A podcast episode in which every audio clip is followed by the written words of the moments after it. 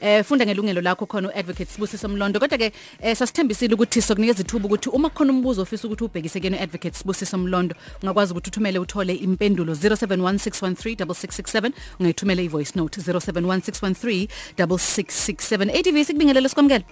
Eh ngibingelele sisi ngibingelele nabalaleli. ngizofunda nje eh o- o- okusangenile kwamanje singashiso kuphendula manje eh kodwa nje ukuze ube naso isithombe sokuthi sibheke phi namhlanje njengoba nabalaleli besazothumela 0716136667 eh sawubona sesingicela usizo. Igama lami u mm, mm nayindaba. Ubaba omdala wami uhola impesheni yabadala. Waya kwenye yeindawo eyibolekisa imali ePine Town. Kuthe ngoDisember wahola u90 rand ngoba bebambe imali yabo. Kulenyanga uhole u900 rand. Kuthe mayibuza indodakazi yakho ukuthi imali yakho nizala kanjani bathi u500 rand uzala 470 rand ngenyanga. Le ndawo ibolekisa kakhulu abantu abadala abahola impesheni. Sicela ningenelele mhlawumbe kungatholakala ukuthi kungani inzalo yabo inkulu kangaka nokuthi ngabe ku- basemthethweni yini. Osefaka ke nemningwane nemniningwane yakhe. Eh ya ungathumela ke nawe 0716136667 eh ukhona uadvocate Sibusiso Mlondo lapho sifunda khona ngelungelo lakho. Ake siqale sibheke nalo udaba eh impesheni u500 rand uzala u470 ePine Town. Eh Eh, iloan.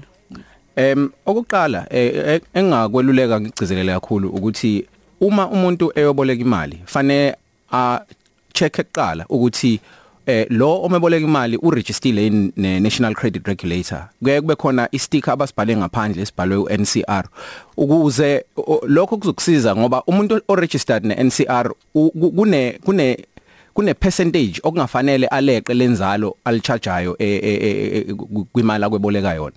So eh into yokuqala leyo engaluleka ukuthi eh, abalaleli bakubheke. Okwesibili uma umuntu ekuboleka imali e- e- e- e charge inzalo ngiyacabanga njengamanje ukuthi i maximum iko 22% noma ngaphansi. Em obolekisa imali a charge i-interest engaphezulu kwalokho. Usuke ephula umthetho angareportwa ku National Credit Regulator eh kungafanele avalwe ngoba usuke ephula umthetho kodwa akuvumelekile lokho Okay. Silalela kuma voice note. Okay, ngathumela ku 0716136667 makhona umbuzo ofisa ubhekise kuadvocate Mlondo. Sawubona sisinoncebo no advocate ukhuluma nombulelo wafawudehluhlo bengicela ukubuza sisi mina ungaka nginomntwana okhubazekile wazale khubazekile so uma ngithi ngiyaqala ngimfunela impesheni ngiqala umfunela impesheni eh enonyaka. Bathi ngeke bekwazi ukumnika impesheni ingane isencane ke ingalinda waze waqala ifunde esikoleni. Useyafunda manje ufunda ugrade 2 ngaqhubeka ngimfunela ngathi mangiya kudokotela wakhe wafika kudokotela wakhe abayikhipha impesheni angiye kudokotela wakasasa mangiya kudokotela wakasasa udokotela wakasasa uthi ena fuze kube udokotela wakho oba oza osinikeza incwadi bese siza nayo kwasasa ngifuna ukuzwa nje lapho ukuthi kuyiqiniso noma eh kudlalwa ngami. Eh eh ngibonge. Eh kulombuzo eh, uchantelene eh, kaningi. Okokuqala em eh, eh, eh, eh, eh, engakubalula ukuthi umuntu ukuze kutholakale ukuthi ukhubazekile ngokwekhanda asikwazi mina nawe asikwazi ukuthi sizenzele isinqumo noma si si si si uh, khiphe ijudgment ukuthi lo muntu lo okhubazekile inkantolo enelungelo lokuthi ikwazi ukwenza lokho ngokwama rules kubizwa ngo rule uh, rule 57 eh kufanele uapply enkantolo inkantolo i i- i- i- uma apply enkantolo u- uze ne ne ne ne ne-examination eh, ama results examination nge psychiatrist i psychiatrist ekwaziyo ukuthi imcheck umuntu abonakale ukuthi akaphilile yini ekhanda.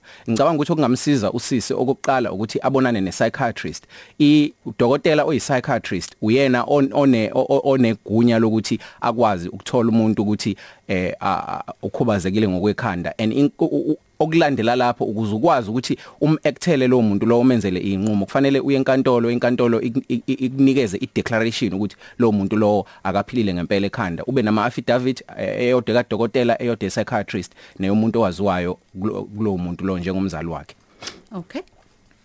Sanibonani okhozeni ngicela uhlangana noma ngangisiza yini umayelana nezomthetho. Umama wadayisela umuntu isite wayikhokha imali wayikhokha kumeli. Emva kwalokho umeli washaya wachitha ema-ofisini akhe umuntu ongasatholakali. Imali yamama umuntu emdayisele kuyena ikhona kwimeli kwafaka umeli emesenza i-transfer. So angazi usiziphi inyathelo ezingayithatha ukwazi ukuthi kusize umama wami anginalo ulwazi olungaka. Nganoma ngingakazi ngithola ukusizakala. Ngiyabonga.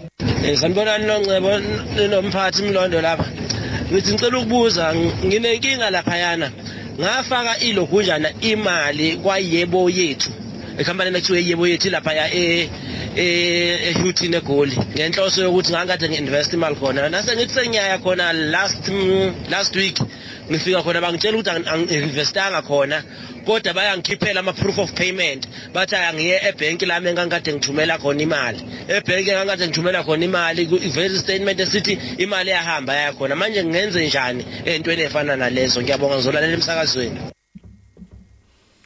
Hey TV eh wadayisa isite ummeli washaya wachitha. Okokuqala em okungafanele ukuthi aqinisekise ukuthi kwakummeli ngempela yini. Okungakusiza ukuthi uhambe uye kwi law society ucheck ukuthi lowo kwakummeli ngempela yini usa practice yini eh uma kuukuthi ushaye wachitha ngempela ngemali fanele a reportwe eh kwi law society eh one uzo strike off two abameli ababe nokubizwa ngefidelity fund uyakwazi ukuthi uyiclaim leyo mali ilo society ingakusiza ukuthi uyiclaim kuleyo leyo mali leyo kwi fidelity fund yakhe lowo muntu lo uma kuukuthi usa practice nanokuthi uma kuukuthi waye practice ngempela ey atheni ngempela ene eh ene insurance ifidelity fund. Owesibili em lo owe we we investment eh ngiyacabanga ukuthi isivumelwano isivumelwano makuukuthi ngiya investa nga investa kabili either u investor through ukuthi uyinikeze imali ibank lakho ibank lakho lekuinvestele so inini sivumelwano ukuthi eh inzalo izobuya kanjani izobuya nini. So isivumelwano sakho lapho siba kanye nebank uma kuukuthi imali yakho ibiphuma ebank iyongena kuleyo nkampani leyo investwa kuyona eh isivumelwano sakho sikanye nebank lakho ibank lakho uma kuukuthi isivumelwano senisasithi bazokubuyisela imali yakho uma kuukuthi eh usuyayidinga inzalo isingaka kufanele uclaim lelo lungelo lakho ebank lakho ngaleso sivumelwano. Uma kuukuthi awukwazi ukuthi uye direct kule nkampani le investing company ibank lakho elidecide ukuya kulona kuyona ngoba wena wenze isivumelwano nebank awenzanga isivumelwano naleyo nkampani leyo Oh okay Hey izona zonke lezi zinto esisuke singazazi ngempela ngempela Yasisuke singazazi okay ngoba nakwena wazi ukuthi no ngiinveste kumlondo enterprises kodwa if ku through ibank angeke ngikwazi ukuthi ngekumlondo yebo ibank elenze i expert decision i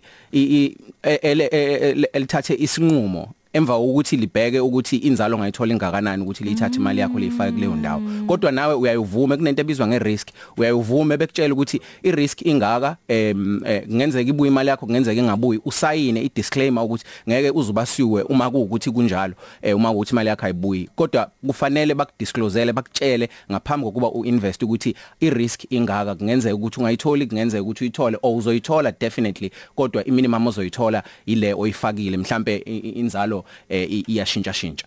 ADV sibonga kakhulu ukuthi ube nathi kubongana.